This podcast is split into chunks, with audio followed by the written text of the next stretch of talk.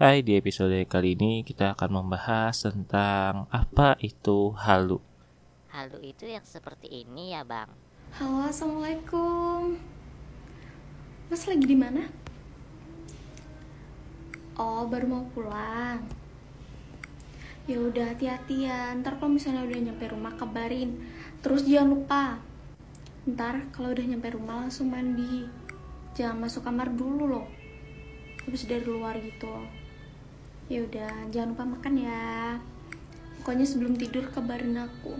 Hati-hati ya kalau balik. Assalamualaikum. Iya, yang seperti itu bisa dikatakan sebagai halu. Tapi, tahu nggak halu itu dalam kamus besar bahasa Indonesia itu memiliki arti adalah pengalaman indera seseorang tanpa adanya stimulus pada indera seseorang tersebut. Indera di sini adalah uh, panca indera yang ada di anggota tubuh kita ya, bukan indera nama orang beda. Lain. Bukan, ya, bukan, bukan indera nama orang lain, ya. Contohnya adalah seperti ini, ya. Misalkan ada seseorang atau teman kalian yang mengucapkan atau mengatakan sesuatu hal yang mungkin itu tidak pernah terjadi sama dia, namun dia seakan-akan mengatakan hal itu pernah terjadi sama dia atau pernah dia alami. Itu adalah salah satu contoh halusinasi yang mungkin teman-teman juga pernah mengalami atau mendengar dari teman-teman sendiri gitu. Yang mana hal tersebut ya dampaknya eh, bahkan mengakibatkan orang-orang di sekitarnya itu nggak percaya lagi nih dengan omongannya. Wah dia kalau misalkan ngomong kayak gini, wah lu pasti bohong lu kemarin aja lu halu gitu ngomong-ngomong gini gini gini.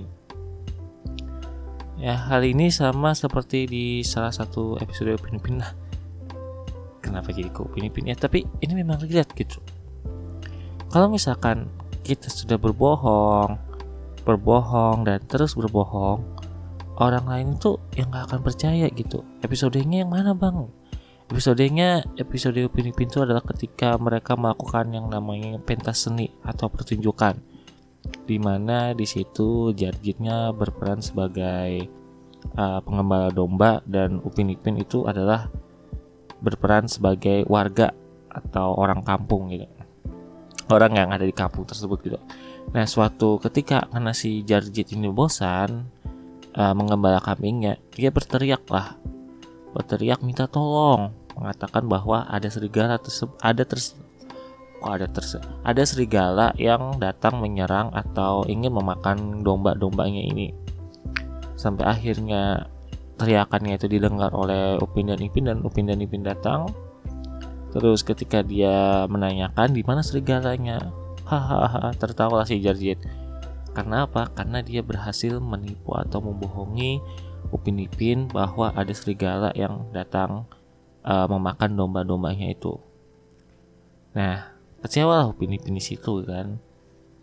E, kecewa kemudian dia pergi. Terus e, dicobalah lagi sama si Jarjit ini untuk berbicara seperti itu atau mengatakan yang seperti itu jadi dia berteriak kembali bahwa ada serigala yang datang menyerang atau ingin memakan kambing-kambing eh kambing domba-dombanya ini gitu yang mana terikannya itu mengakibatkan Upin dan Ipin datang kembali nih ke sana Nah, ketika datang, mereka melihat kambing domba ini aman-aman aja. Kenapa kambing sih? domba, domba ini aman-aman aja. Terus dia menanyakan lah lagi sama Jarjit. Mana serigalanya? Hahaha, kalian sudah aku tipu atau sudah aku bohongi gitu. Nah, kemudian si Upin dan Ipin ngomong, e, wahai pengembala, jika kau mengatakan yang seperti itu lagi, kami nggak akan percaya dan tidak akan datang lagi ke sini. Sampai sampai akhirnya bubarlah mereka pergi lah Upin dan Ipin. Nah, ketika itu muncullah serigala yang sebenarnya. Datang serigala yang sebenarnya memakan domba-domba dari si Jarjit ini. Karena Jarjit panik, dia pun berteriak minta tolong. Tapi karena sudah dua kali dibohongi, atau sudah dua kali ditipu sama si Jarjet Upin dan Ipin ini tidak menanggapi atau tidak menggubris teriakan dari si Jarjet itu. Nah, dari cerita ini aja kita sudah dapat menyimpulkan gitu. Kalau kita berbohong, sering berbohong atau mengucapkan sesuatu yang tidak benar, itu bakal mengakibatkan orang-orang di sekitar kita tuh nggak akan percaya lagi gitu omongan kita. Meskipun kita pada akhirnya ya mengatakan yang sebenarnya, mengatakan yang kejujuran, yang aslinya gitu. Dia mereka nggak akan percaya lagi karena kepercayaan mereka sudah ah gue udah percaya sama lo tapi lo masih aja bohongin gue gitu eh gue sudah anu yakin sama lo tapi lo masih aja tetap kayak gitu gitu bohongin gue ya. Tapi dibohongin ini bukan dibohongin dalam uh, perselingkuhan atau apa itu beda. Beda ranah.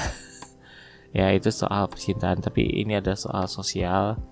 Ya, yang mana kalau yang gue lihat ya um, perkara ini atau permasalahan ini tentang hal ini sudah merambat atau bisa dikatakan menjadi masalah psikologis serius bagi beberapa atau mungkin sebagian besar remaja. Karena ada faktor yang mengatakan faktor dari luar yang mana biasanya faktor dari luar ini ada dari negara-negara Asia yang bisa dikatakan mendewakan animasi segala macam yaitu Jepang. Bahkan di Jepang aja mereka ada menikah sama guling karakternya itu guling animasinya itu. Apa ya gitu? Kenapa kenapa sampai dia bisa berpikir oh, oh gue mengidolakan dia nih uh, di guling gue nih ah gue nikahin aja gitu karena kan faktanya ya orang bukan orang sih uh, karakternya itu kan tidak nyata yaitu adalah gambaran seseorang imajinasi seseorang yang mana dituangkan ke dalam bentuk dua dimensi dan bisa dinikmati banyak orang gitu. Dan bagaimana kalau misalkan idol-idol uh, kalau idol ya kalau menurut gue ya ini menurut gue aja. Kalau menurut gue itu adalah sesuatu hal yang hampir sama dengan orang-orang yang menyukai karakter dua dimensi. Tapi ini menurut perspektif pemikiran gue ya subjektivitas pemikiran gue kalau misalkan kalian sependapat ya silahkan kalau misalkan tidak pun ya silahkan aja gitu. Nah um, kenapa gue bisa mengatakan kayak gitu? Karena pertama gini kalian kemungkinan besar atau kecil kemungkinan bisa menikah atau memiliki idola kalian tersebut gitu. Hampir sama kayak anime. Anime juga sama.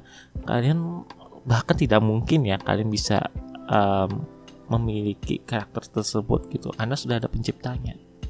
Ya pengarang komiknya itu kalau misalkan yang idol ya juga sama gitu. Kan nggak akan bisa. Karena gini kalau menurut gua um, idol itu kan adalah orang yang mana dia tuh diperuntukkan untuk menjadi sebuah media hiburan bagi orang banyak. Ini kalau menurut gue ya. Dan dia itu nggak tahu gitu lo tuh ada atau enggak meskipun lo mengidolakan misalkan ya salah satu idol sebut saja idolnya itu yang lagi tren sekarang misalkan kayak Blackpink gitu. Uh, lo mengidolakan Jisoo ya? Wah lo beli pernak-pernik semua serba Jisoo segala macam tuh ya silahkan aja gitu ya. Tapi apakah Jisoo tahu lo itu ada? Apakah Jisoo tahu kalau lo itu hidup di dunia ini? Kan enggak. Karena mereka itu adalah sesuatu hal yang gak mungkin lo miliki gitu. Kecuali kalau misalkan lo ada pengusaha yang kayak raya tajir segala macam wah ya mungkin aja lo, lo bisa gitu. Bisa mewujudkannya lo menikah dengan idol lo itu mungkin bisa gitu. Mungkin ya kan nggak ada yang nggak mungkin gitu di dunia ini kecuali ya lo menikah sama karakter dua dimensi ya. Hampir nggak mungkin lah cuy. Kita berpikir realistis aja gitu. Karakter dua dimensi itu cuma ada di TV gitu. Kalau idol kan dia wujudnya masih nyata nih. Masih manusia juga. Jadi bisa ada kemungkinan bahwa um, kita tuh bisa menikah dengan idol kita gitu. Tapi sangat sangat sangat sangat sangat sangat sangat kecil kemungkinan kita bisa melakukannya atau hal itu terjadi gitu. Nah hal itu mengingatkan gue sama dulu kalau gue boleh cerita ya dulu itu ketika gue masih kecil jadi uh, gue itu ada teman. Nah teman gue ini ya bisa dikatakan dia ini halu gitu. Karena yang pertama kenapa gue bisa mengatakan dia halu? Um, dia pernah mengatakan sama gue kalau misalkan dia itu adalah sepupu atau saudara dari salah satu band tahun 2000-an kalau kayak tahu Raja. Ya dia bilang kalau dia itu adalah sepupu atau keponakan dari Ian Kasela si vokalis band Raja ini. Nah um, Ian Kasela itu pernah datang ke rumahnya dia. Nah karena gue ini bego waktu itu masih kecil ya. Umur-umur SD kelas 1 kelas 2 3 4 kan kalau nggak salah karena gue bego ya. Iya gue iya iyain aja gitu. Sampai suatu momen ada dia bilang sama gue bahwa um, gue mau pergi nih ke Jakarta gitu mau berangkat lo mau nggak ikut? Wah kapan lagi gitu kan gue pikir mau jalan-jalan ke luar kota gitu. Dibiayain lagi lo mau nggak? Ya udah gue bilang mau gitu. Dan akhirnya gue sampaikan ke orang tua gue bahwa ehm, nih temanku atau teman gue nih eh kok gue sih gue ngomong sama orang tua nggak sopan? Hmm, nih temanku ada yang mau ngajak aku pergi ke luar kota gitu. Dan respon orang tua gue saat itu juga teman kamu tuh halu. Serius dibilangnya langsung kayak gitu. Karena gue bego ya gue nggak tahu apa itu halu gitu. Ya saya tadi yang sudah gue jelaskan. Ya tapi karena gue bego waktu itu ya bisa aja dibohongi. Lihat aja kamu nggak akan berangkat ke sana kata kata bapak gue gitu. Sampai akhirnya tiba hari di mana yang dia janjikan itu ya gue tagih lah. Eh gimana nih? Jadi nggak berangkatnya? Ah nanti ya uh, orang tua gue masih ini ini ini ini. Wah alasan. Besok ya ya oke ya main lah kayak biasa kan namanya bocah main-main-main besoknya. Ketemu gue tanya lagi. Gimana? Jadi enggak. Ah nanti dulu ya. Oh, dua tiga kali. Oh udah. Kacau nih orang nih. Kada kada kawa apa namanya? Um, kada kawa dipercaya omongannya. Memang halu nih. Oh ini yang namanya halu. Zaman dulu tuh gue baru tahu gitu ya dan begonya tuh gue percaya gitu aneh.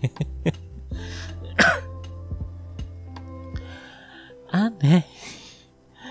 Aduh gue ingat-ingat lagi kok gue bego banget waktu itu bisa bisa gue percaya gitu omongannya dia.